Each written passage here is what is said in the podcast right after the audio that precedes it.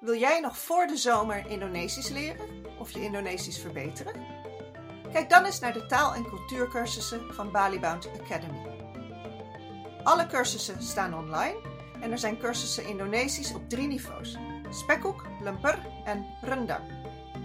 Je kunt op elk moment met een cursus beginnen en de cursussen kunnen geheel in eigen tijd en tempo worden afgerond. Daarnaast geef ik af en toe ook live cursussen via Zoom. En verder gaat ook mijn unieke doorlopende conversatieprogramma binnenkort weer van start. Nieuwsgierig? Houd mijn Instagram, Indisch Indonesisch, en mijn Facebookgroep Indisch en Indonesisch in de gaten voor updates. Of kijk in de show notes, direct onder deze podcast. Ayo!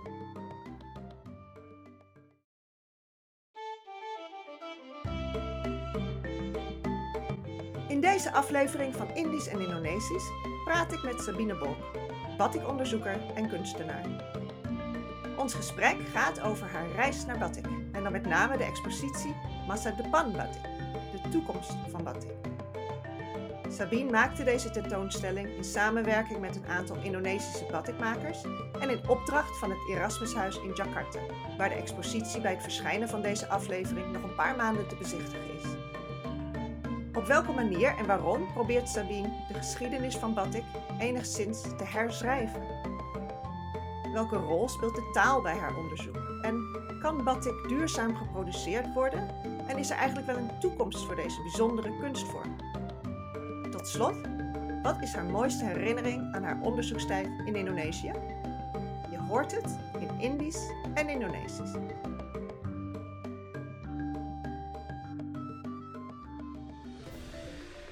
Seizoen 1, aflevering 2, de toekomst van batik. Met Sabine Bolk. Sabine, van harte welkom bij de podcast Indisch en Indonesisch. Dankjewel. Ontzettend leuk dat je even tijd vrijmaakt in je vast super drukke schema. En, uh, nou, wij hebben elkaar al wat eerder, uh, hè, wat vaker ontmoet. Je bent uh, een van mijn cursisten. Ik heb je Indonesische les mogen geven. En ik heb je ook al eerder, zijn we in gesprek gegaan over batik. Dus heel leuk dat je nog een keer met mij over batik wil praten. Dus, Altijd nou, als iemand... fijn om over batik te praten. Dus, ja. Ah, heel goed. En als mensen jou nou niet kennen, wie is Sabine Bolk? Hoe zou je jezelf voorstellen? Ja, ja ik uh, ben kunstenaar en batikonderzoeker. Als batikonderzoeker doe ik uh, onderzoek in zowel Nederland als Indonesië en andere plekken. Overal waar batikhistorie bewaard is gebleven. En daarnaast ben ik ook heel geïnteresseerd in de hedendaagse ontwikkeling van batik, want het wordt gelukkig nog steeds gemaakt.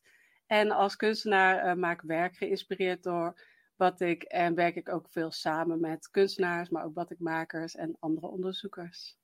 Je bent al jarenlang bezig hè, met, met, uh, met batik, maar ook met je, met je Engelstalige blog, hè?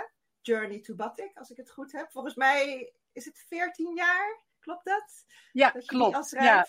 ja, dit jaar 14 jaar. Ik begon de blog De Reis naar Batik toen nog als een Nederlandstalig reisverslag met het idee van, nou, dan kan het thuisfront mij volgen terwijl ik voor het eerst naar Indonesië ga in 2009. Ik ging toen een maand om batik te leren maken. Toen ik terugkwam had ik nog zoveel meer om te vertellen, delen over mijn plannen, maar ook uh, wilde ik meer onderzoek gaan doen.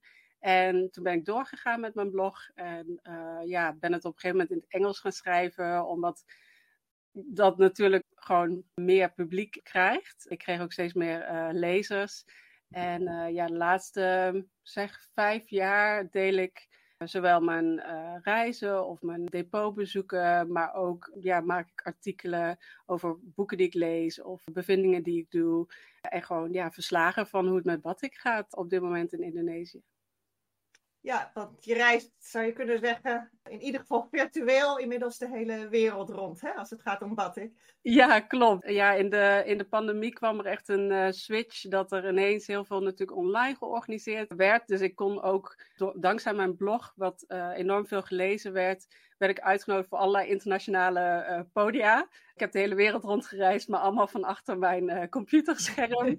um, En ja, vorig jaar heb ik bijvoorbeeld ook echt lezingen mogen geven in Edinburgh en was ik in uh, Wenen. Dus het wordt ook, uh, en Singapore trouwens, dus ik, ja, ik mag ook nou naar de plekken toe om over batik te vertellen. En ja, de blog heeft daar echt enorm aan bijgedragen. Ja, ja, wat ik wou zeggen, het was misschien voorheen meer Nederland en Indonesië, maar inmiddels ga je ook naar andere plekken toe om over ja, te klopt. praten.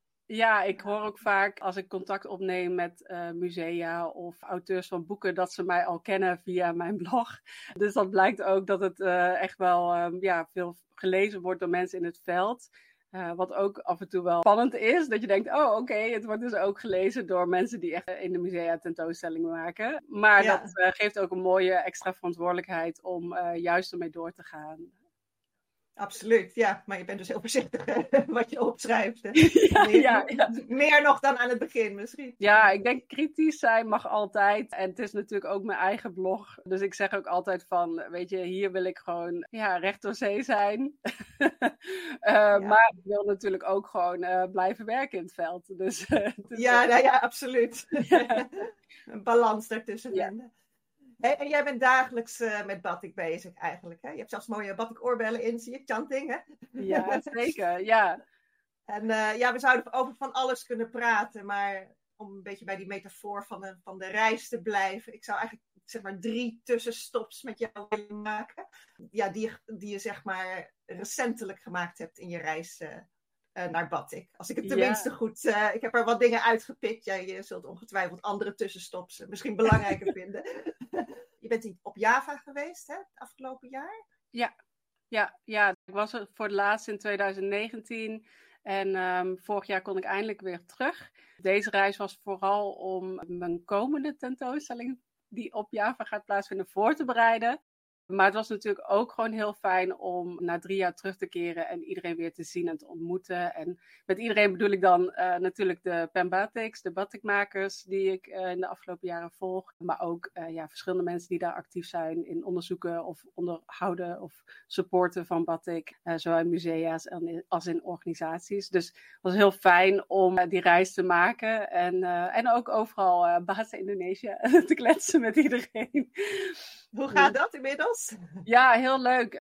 Het grappige is dat um, dankzij jouw lessen um, mensen vaak denken dat je veel meer Indonesisch kunt dan dat je misschien dus het klinkt allemaal heel goed, uh, blijkbaar. Dus ik kreeg ook heel vaak dat uh, mensen bijvoorbeeld ineens overschakelden met meer lokale dialecten. Uh, bijvoorbeeld ja, in Oost-Java wordt ook Madurees gesproken. En dat ik zo was van, ja, maar dat spreek ik niet. En dat ze echt dachten van, oh ja, maar je woont hier toch? Of je bent hier toch al heel lang? Precies. je kunt dus... nog Indonesisch, dan, dan kun je ook Madurees. Ja, ja, ja. Dus dat vond ik ook wel heel grappig. Ik dacht, oh, wacht, nu ben ik hier en dan moet ik ook nog al die andere talen gaan leren eigenlijk. Dus het, in dat opzicht uh, work in progress. Uh, Precies. In, in, die zin ben je nooit klaar natuurlijk. Nee. en, uh, en je zei al, um, je was ook op Java om een expositie voor te bereiden. Ja, klopt. En dat is eigenlijk ja, de tweede tussenstop waar ik even bij stil wil staan. Want als ik het goed heb, heet de expositie heet, Massa de Pan Batik. Hè? De, de toekomst van Batik. Klopt dat? Klopt. Kan je daar, uh, nou ja, het geeft natuurlijk al enigszins aan waar het over gaat, maar zou je daar iets meer over kunnen vertellen? Ja, ik, ik was gevraagd door het Erasmushuis in Jakarta, dat is van de Nederlandse ambassade, om een tentoonstelling over batik te maken.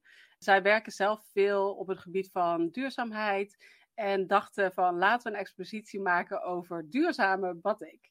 Helaas, uh, ook al is batik een UNESCO-erfgoed, immaterieel erfgoed, het is zeker nog niet uh, behouden en al helemaal niet sustainable. Er zijn heel veel vlakken waarop het niet duurzaam is.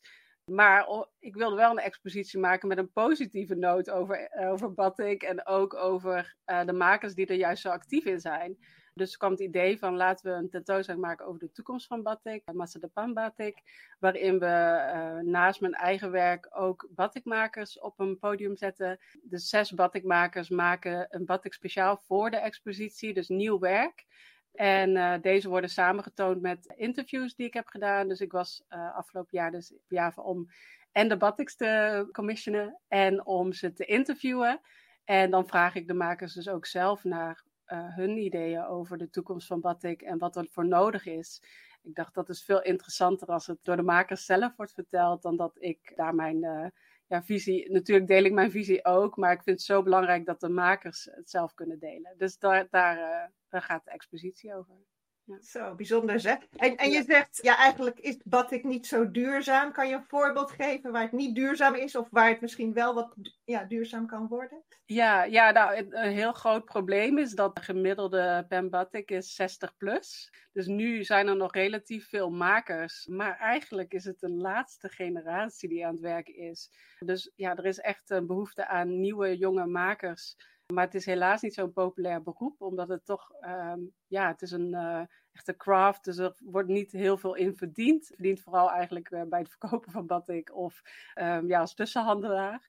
Dus ja, dat is een van de dingen die uh, ja, echt nodig zijn voor de toekomst van batik, dat het weer een populair beroep wordt. Dus ik heb ook een aantal jonge makers aan het woord gelaten die juist heel ja, zich inzetten om, om anderen te activeren om ook te leren batik maken. Ja. ja, ja. En als je het hebt over duurzaamheid, heb je dan over verfsoorten en ook. dergelijke? Ja, ja, dus het is ook, ja, er wordt natuurlijk met synthetische verf geverfd, waar het in het verleden met natuurlijke verf was. En uh, hoe er omgegaan wordt met die synthetische verf is natuurlijk niet altijd even veilig. Het heeft ook te maken met dat gewoon heel veel makers niet weten uh, wat voor schade het kan geven. Uh, dus het gaat gewoon in het water waarmee ook het rijstveld weer wordt besprenkeld. Ja, dus, ja. Uh, en er zijn bijvoorbeeld ook heel veel batikmakers waarvan bijvoorbeeld de kinderen wel kunnen batiken, maar niet per se geïnteresseerd zijn om het bedrijf over te nemen. Uh, dus je leert, ja, waar het in het verleden echt van moeder op dochter doorgegeven wordt, dat is ook in heel veel gevallen doorbroken. Uh, omdat gelukkig steeds meer mensen gaan studeren. Maar dat betekent dus automatisch dat ze niet meteen teruggaan in het batikveld. Of als ze er wel mee bezig gaan, dat ze dan eerder als ontwerper aan de gang gaan. Of als verkoper, maar niet per se uh, erbij gaan zitten op een krukje om ook de echte batik te maken. Ja, ja, ja. ja. Dus is, is batik, eh, is het een beetje toch een soort van uitstervend beroep? Of ja, dat wil je natuurlijk niet zeggen, want we hebben het over de toekomst van batik.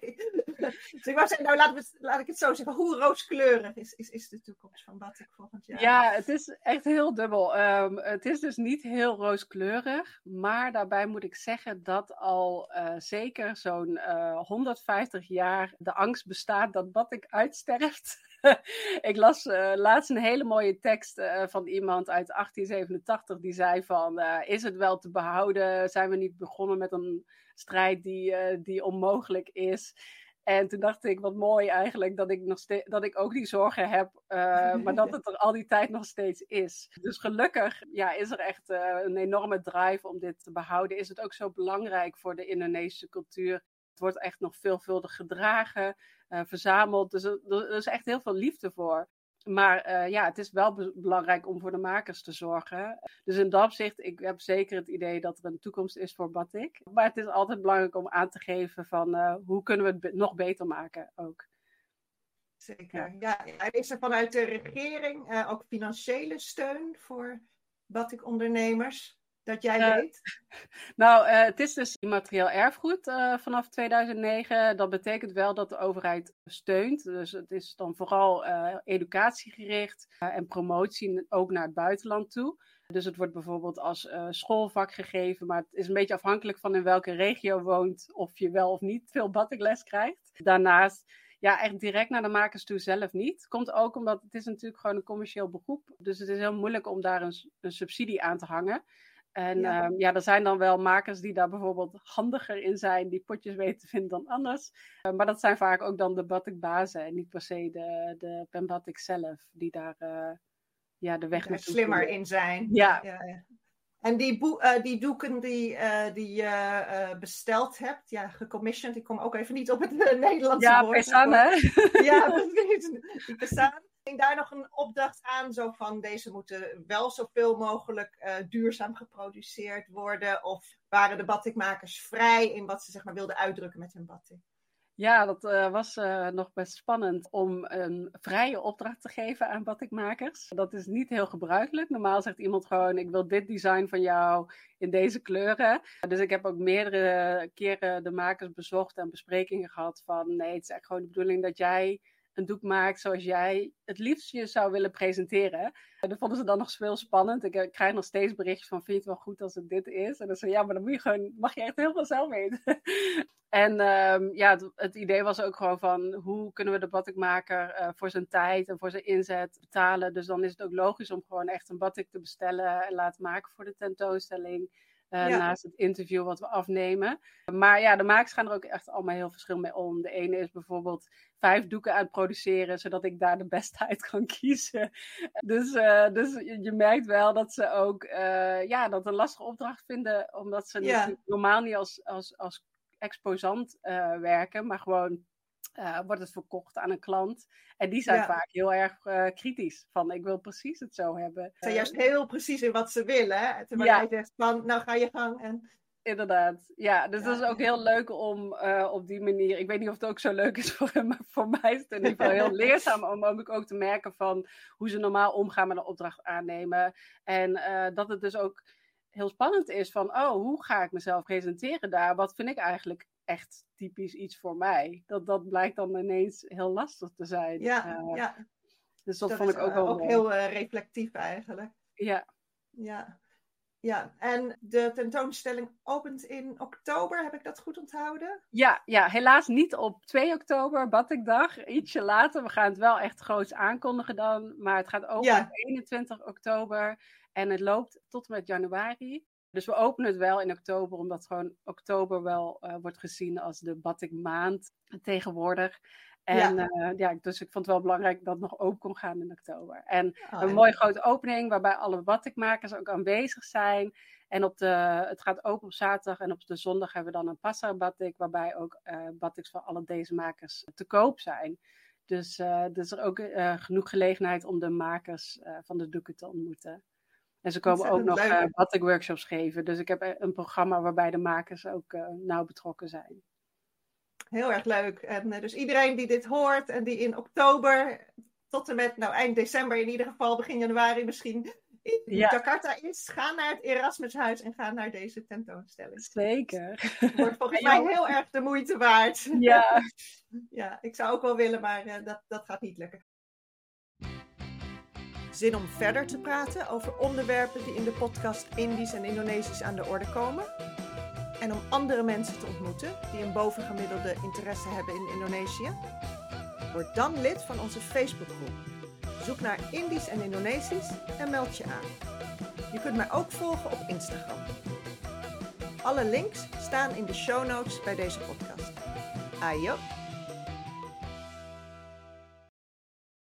Ja, ook in Nederland zit je, zit je niet stil. Hè? En uh, ja, je bent volop met, met wat ik bezig, ook als onderzoeker. En je hebt ook onderzoek gedaan voor, uh, voor diverse musea. Is het Retelling the History of the Indo-European Influence on Batik? Is dat de titel van je onderzoek? Ja, een hele, hele titel. Um, ja, en dan um, uh, Indo van Indo-Europees tussen haakjes. Want ik onderzoek zowel de Indo-Europese als de Europese invloed op Batik. Um, het onderzoek begon na mijn reis in 2016. Ik was toen drie maanden op Java geweest. En ik kwam er toen achter dat heel veel van wat ik in boeken wist, er is heel veel door Nederlandse en Engelse onderzoekers geschreven, toch anders was dan wat er in Indonesië uh, de geschiedenis was. En ja, dat is natuurlijk ook niet vreemd dat er een ander soort vertelling is. Maar ik merkte ook heel erg van, wij hebben in Europa enorme focus op die Europese invloed. Uh, vooral een invloed die te zien is in de batikontwerpen. Dus dat er bijvoorbeeld sprookjes werden gemaakt in batik, zoals Roodkapje, maar ook Art Nouveau invloeden. En dat er heel erg belicht werd van, deze batiks zijn zelfs ook nog wat mooier dan wat er lokaal gemaakt werd. Op Java was er juist heel erg zoiets van, uh, ja, er is wel zoiets als Europese batiks, maar als ze het kenden kwam het uit Nederlandse boeken. of vonden ze het ook maar iets wat niet onderdeel was van uh, de eigen batikgeschiedenis. Wat heel gek is, want alle batikmakers zijn Javaans. Dus degene die echt uh, met de, de chanting, met de waspen, de batik maken. Gedurende de geschiedenis, ook al kon de baas Europees zijn, Peranakan Chinees, Javaans uh, Sudanees, noem maar op, waren de makers altijd Javaans. Dus je gaat vanuit dat het doorgegeven wordt van moeder op dochter. Dus toen kwam ik ja. terug, dacht ik, misschien is dit goed om opnieuw een keer te onderzoeken en te kijken van waar zitten nou ja, die misvattingen. Ehm, hoe kun je ook die geschiedenis dichter bij elkaar brengen? En ja, daar begon ik mee. En toen kwam ik er eigenlijk al heel snel achter dat er inderdaad uh, onze geschiedschrijving over wat ik vol van toch wel koloniaal gedachtegoed zit. Ja. Ehm, en dat het ook zo is dat er eigenlijk heel veel wat ik geschiedenis hier vastgelegd is. Maar dat heel veel daarvan nog gewoon uh, Nederlandstalig is en niet vertaald of handgeschreven documenten en die niet openbaar zijn. Dus ik ben gewoon begonnen met onderzoeken en uh, laten inscannen en aanvragen. En ook uh, met onderzoekers in Indonesië en uh, in Singapore, Maleisië, van proberen achterhalen van klopt dit verhaal? Of hoe zou jij dit patroon interpreteren? zou je dit zien als iets Europees? En al die dingen probeer ik nu ja, stukje bij beetje naar buiten te brengen. Ja, je bent eigenlijk bezig met de ontsluiting van de geschiedenis van Batik. Ja, ja, dus hoe het in, vooral in de 19e eeuw zich ontwikkelt. En dan is de invloed van Europa is natuurlijk enorm. Al uh, simpelweg uh, door het geïmporteerde katoen wat geweven werd uit Twente. Maar ook de imitaties die gemaakt werden in Europa, die naar Zuidoost-Azië werden verscheept.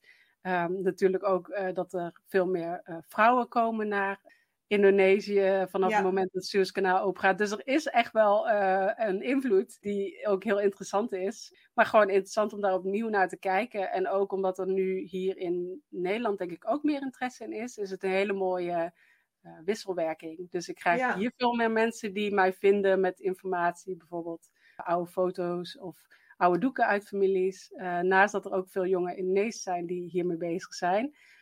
Dus altijd, ja, die retelling uh, gebeurt ook dankzij al die mensen die mij vinden en, en eraan meewerken. Ja, ja. Dus ergens, het is aan de ene kant een soort van hindernis dat al dat materiaal, of veel van het materiaal in het Nederlands is. Hè? Niet eens in het Engels, maar in het Nederlands. Maar aan de andere kant brengt het jullie misschien ook samen op de een of andere manier. Klopt dat? Ja, ja, ja, dat denk ik wel. Het was ook dat ik, toen ik in 2016 naar Indonesië ging, ging ik er eigenlijk heen om afscheid te nemen van batik. Dus ik dacht, ik maak er één keer een groot project over batik en dan laat ik een beetje gaan. Want het is maar gek om met iets bezig te zijn wat helemaal daar is. En mensen begrepen dat hier ook niet zo goed.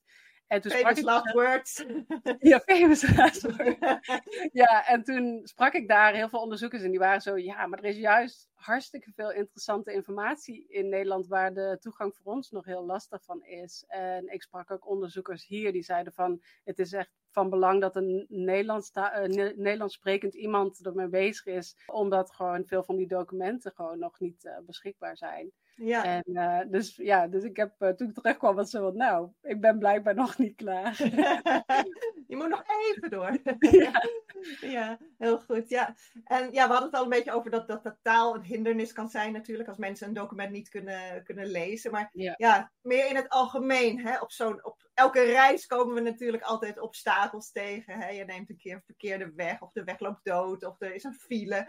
Ben jij zelf op je reis naar Batik nog specifieke obstakels of hindernissen tegengekomen? Ja, um, ja het is uh, wel grappig inderdaad qua taal. Ik sprak eerst niet Indonesisch. Uh, ik werkte altijd met vertalers. Dat had er ook mee te maken dat veel van de batikmakers waar ik contact mee had, bijvoorbeeld uh, voornamelijk Javaans gebruikten. Dus ook veel van Bahasa Indonesiërs mengden met Javaans.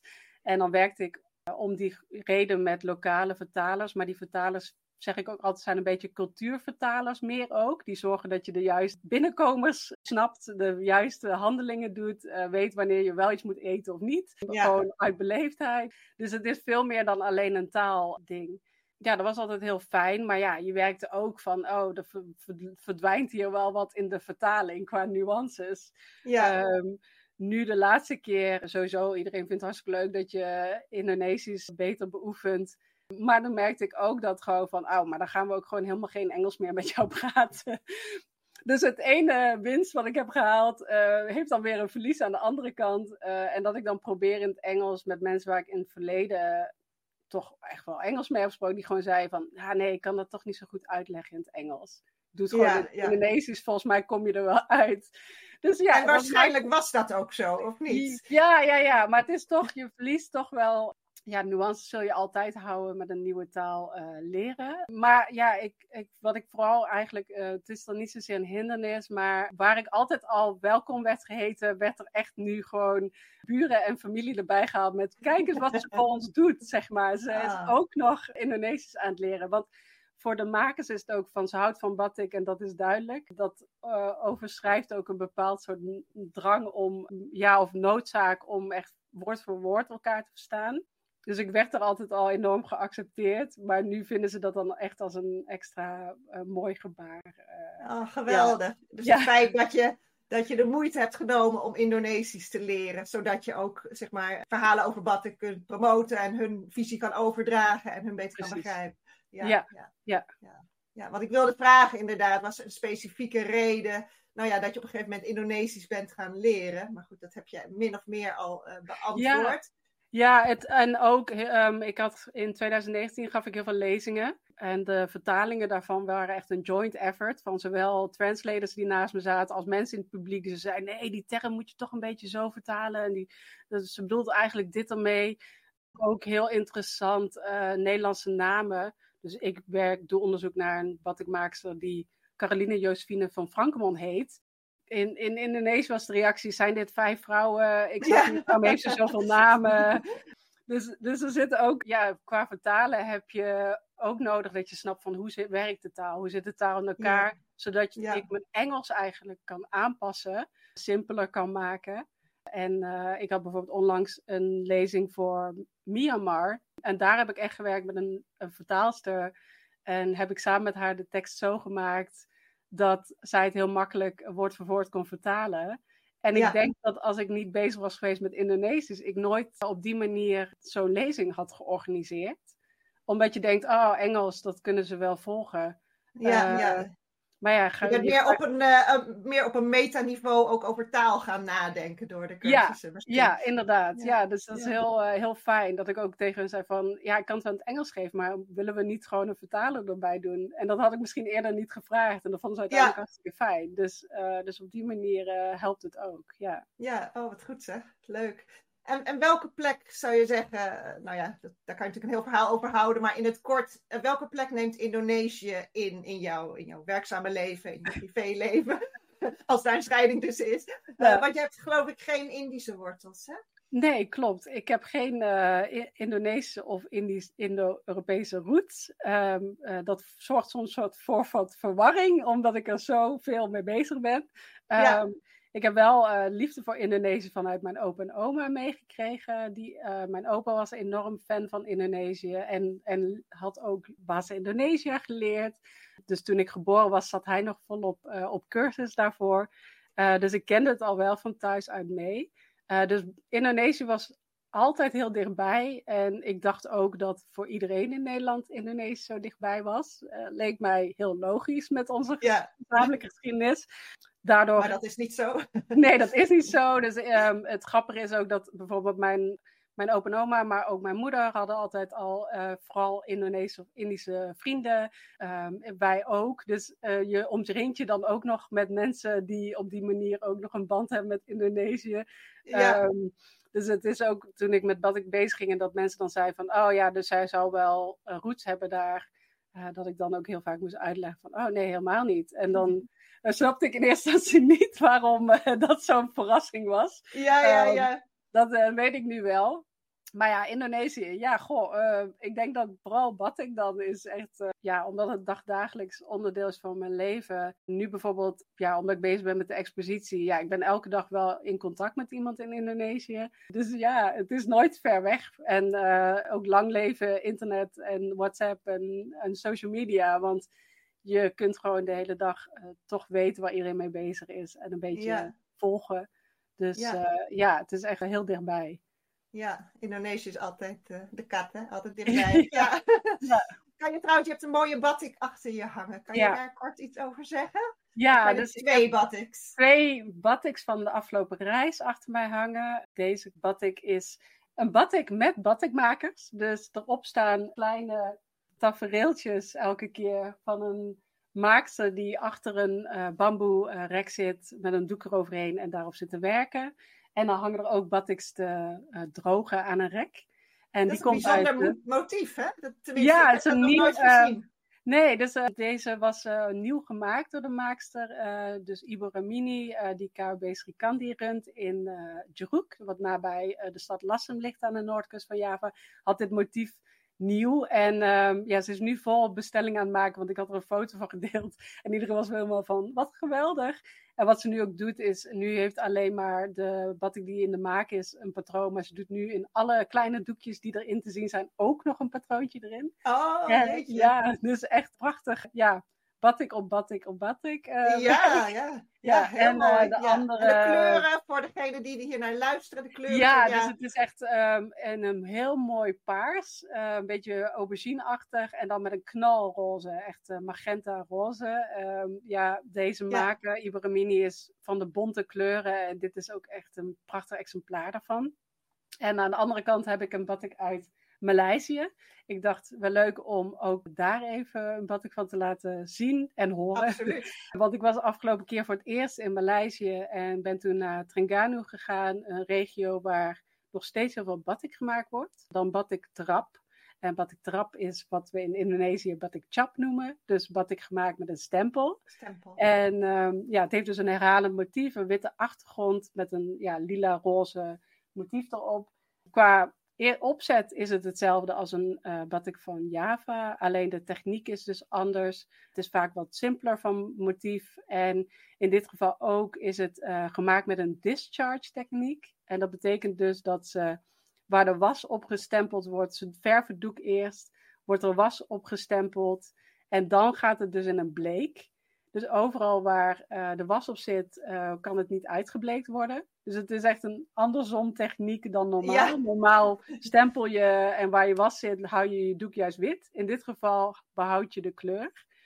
Uh, en zo kunnen ze ja. toch met chap hele fijne lijnen maken in hun, in hun doeken.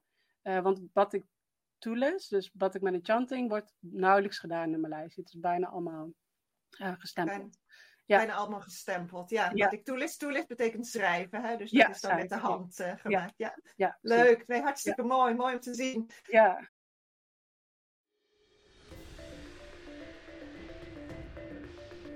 Zin om een klein beetje Indonesisch te leren? Meld je dan aan voor mijn gratis mini-cursus, inclusief mini-video's en tekst en uitleg. Alle details staan in de show notes. Ayo!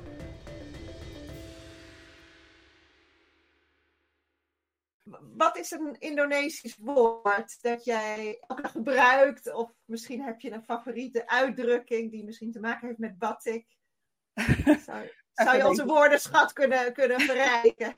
Als je iets hebt hoor, misschien zeg Ja, ja, ja. Nou, ja je zei al zo mooi, uh, zeg maar, batik toelis natuurlijk. Uh, voor schrijven. Uh, dan heb je natuurlijk batik chap.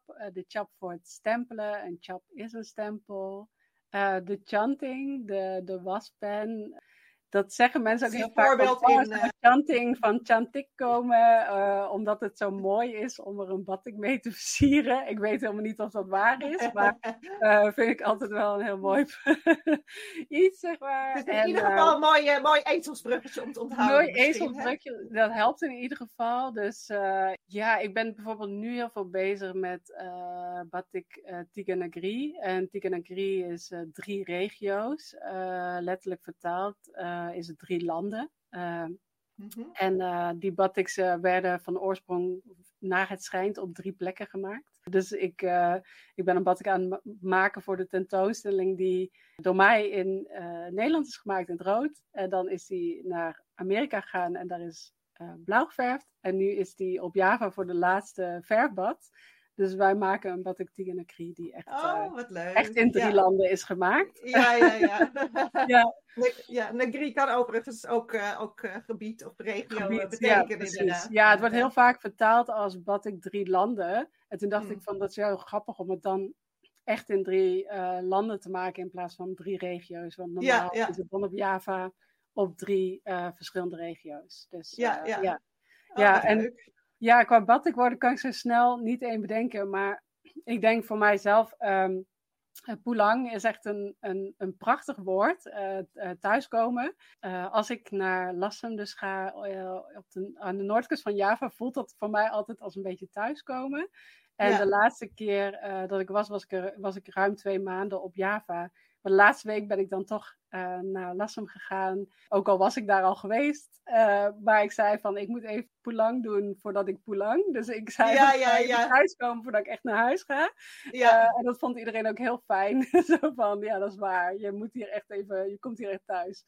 Precies, je ehm, moet even afscheid nemen voordat je dan naar je andere thuis gaat. Ja, precies. Dus dat woord is echt, ik denk wel een van mijn ja, favorieten die omschrijft zoiets specifieks. Wat thuiskomen ook wel heeft, maar Pulang is echt uh, ja, nog net iets meer. ja, ja, ja, ja, mooi, mooi. Ja. Um, wat wordt jouw volgende bestemming op je reis naar Batik? Of, of ben je al bij de eindbestemming? oh nee, uh, nog, genoeg, uh, nog genoeg plannen. Ja, ik bedoel, ja, dit jaar is al een enorm spannend jaar. Um, maar er komt nog veel meer moois op de planning. het grappige is dat ik ook een project gaat doen over de witte kabaya. Dus niet batik, maar wel heel belangrijk in het totaalbeeld van uh, de dracht. Uh, kabaya. Want je bent natuurlijk ook met, met mode eigenlijk bezig, hè, automatisch. Ja, en gewoon uh, wat, ze, wat de gehele kleding is en hoe die combinatie werkt. Dus um, ik, kabaya wordt UNESCO erfgoed. Een gezamenlijke bijdrage van Indonesië, Maleisië, Singapore en Brunei. Maar ja, in Europa is er ook heel veel kabaya's bewaard gebleven. En specifiek dan vooral de witte kabaya, die nauw gelinkt is met de Europese en uh, in de Europese gemeenschap uh, die uh, in de kolonie zat. En daar ben ik nu een onderzoek mee gestart samen met schrijfster Dido Michielsen. En dat willen we volgend jaar ja, uh, ja, we gaan het lanceren uh, op de Tongtong Fair, deze aankomende Tongtong Fair. Maar volgend jaar hopen we het dan af te ronden. En ja, dat vind ik wel heel leuk dat ik ook bezig ben nu met iets wat zo nauw verbonden is met Batik en met die historie waar ik mee bezig ben. Maar om het totaalplaatje te krijgen. En ja, verder, um, ik hoop ook dat ik ja, gewoon nieuw onderzoek kan starten. Ik heb een aantal onderzoeken nu afgerond. En uh, ja, veel van mijn uh, onderzoeken zijn nu over de drager. Dus daar past die kabaya ook heel mooi bij. Uh, dus ik kijk vooral naar collecties, behouden collecties die gedoneerd zijn door dragers in plaats van door onderzoekers. Om te kijken van wat kan dat ons anders vertellen. Want als van drager is, kan het misschien veel meer zeggen over waar wonen diegenen, in wat voor gelegenheden droeg ze deze batiks. het is dan vooral ze, in minder van mannen. Ja. Ehm, en um, ja, dat geeft gewoon een heel mooi beeld, denk ik. En laat ook veel meer de uh, Azische kant zien van collecties, waar voorheen vaak meer op de Europese kant, uh, naar de Europese kant gekeken werd. Dus een ja. Europe Europese onderzoeker was zeg maar belangrijker dan een Europese of Indo-Europese of uh, Javaanse drager, wat natuurlijk heel gek is. Um, ja, dus dat probeer ik ook terug te halen. ook een beetje die, die vrouwenstem in de collectie. Ja. Ja, om, Om, om de balans uh, te herstellen wat dat betreft. Misschien op meerdere gebieden. Nou, ontzettend leuk. Klinkt als een heel mooi uh, project. Succes, uh, succes daarmee. Dankjewel. nog, nog heel even een snelle, snelle ronde meer over, over Sabine, de persoon. Um, ik weet dat je vegetarisch eet. ja. kies je tempeh of tahu? Tempeh of tahu. en dat is hetzelfde. Oh, ik moet zeggen. ja. tempeh, of tofu? Tempeh tofu, ja, precies. Ah, ja. tempeh dan. ja, ja, ja, zeker. Ik bedoel, uh, ik maak tofu hier, maar ja, uh, tempeh, uh, ja, zeker. Liever tempeh, ja. ja. Okay. Nu heb je de keuze, hè? je mag drie maanden overwinteren op Bali. Of je mag een reis maken van vier weken op Sumatra. Heel betaald. Wat zou je doen? Winteren klinkt heel goed en heel fijn. Maar ik denk dan toch dat ik voor die uh, reis naar Sumatra ga. Simpelweg omdat ik er nog niet ben geweest. Omdat ze daar ook batik maken. Dus dat is voor mij dan meteen wel interessant. Ja, ja, ja. Sumatraanse batik. Ja, het bestaat ook. Dus uh, ja. Ja. ja. oh ja. Ik dacht, misschien wil jij even uitrusten van al je, je batik-avonturen. En, uh... Zeker, ja, maar ja, het is natuurlijk een te mooie gelegenheid om dan toch ook even weer batik mee te doen. Ja, dat, uh, ja, maar het overwinteren is wel ook echt, uh, ja, um, gelukkig ben ik nu ook weer pas in december terug, dus ik kan een beetje overwinteren. Ja, een beetje genieten van, van het warme weer. En heb je nog een bepaalde plek in Indonesië waar je een bijzondere herinnering aan hebt en die je ook hier zou willen delen? Oeh, ja, um, heel veel natuurlijk wel. Um, ik denk dat uh, voor me, van mijn laatste reis heel mooi was dat ik uh, in Lassem ook uh, deze keer echt bij, weer bij een batikmaker kon logeren. Ik, um, ik kwam daar dus terug voordat ik naar huis ging. En de logeerplek die ik daarvoor had was bezet. Maar toen was ik hartelijk uitgenodigd om bij een batikmaker te logeren die ik kende.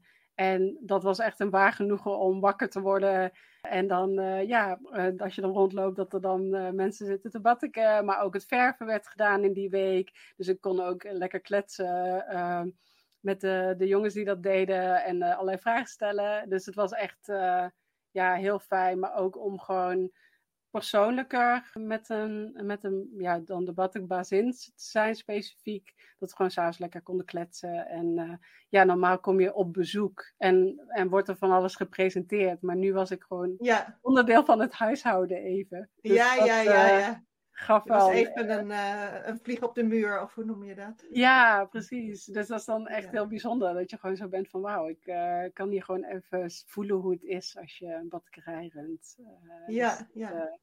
Je was echt even onderdeel van het geheel. Hè? Ja, zeker. En um, zij heet dan, haar batterij is dan Lumintu. En um, uh, zij heeft altijd uh, als profielfoto een hele mooie bloem uh, op haar Instagram.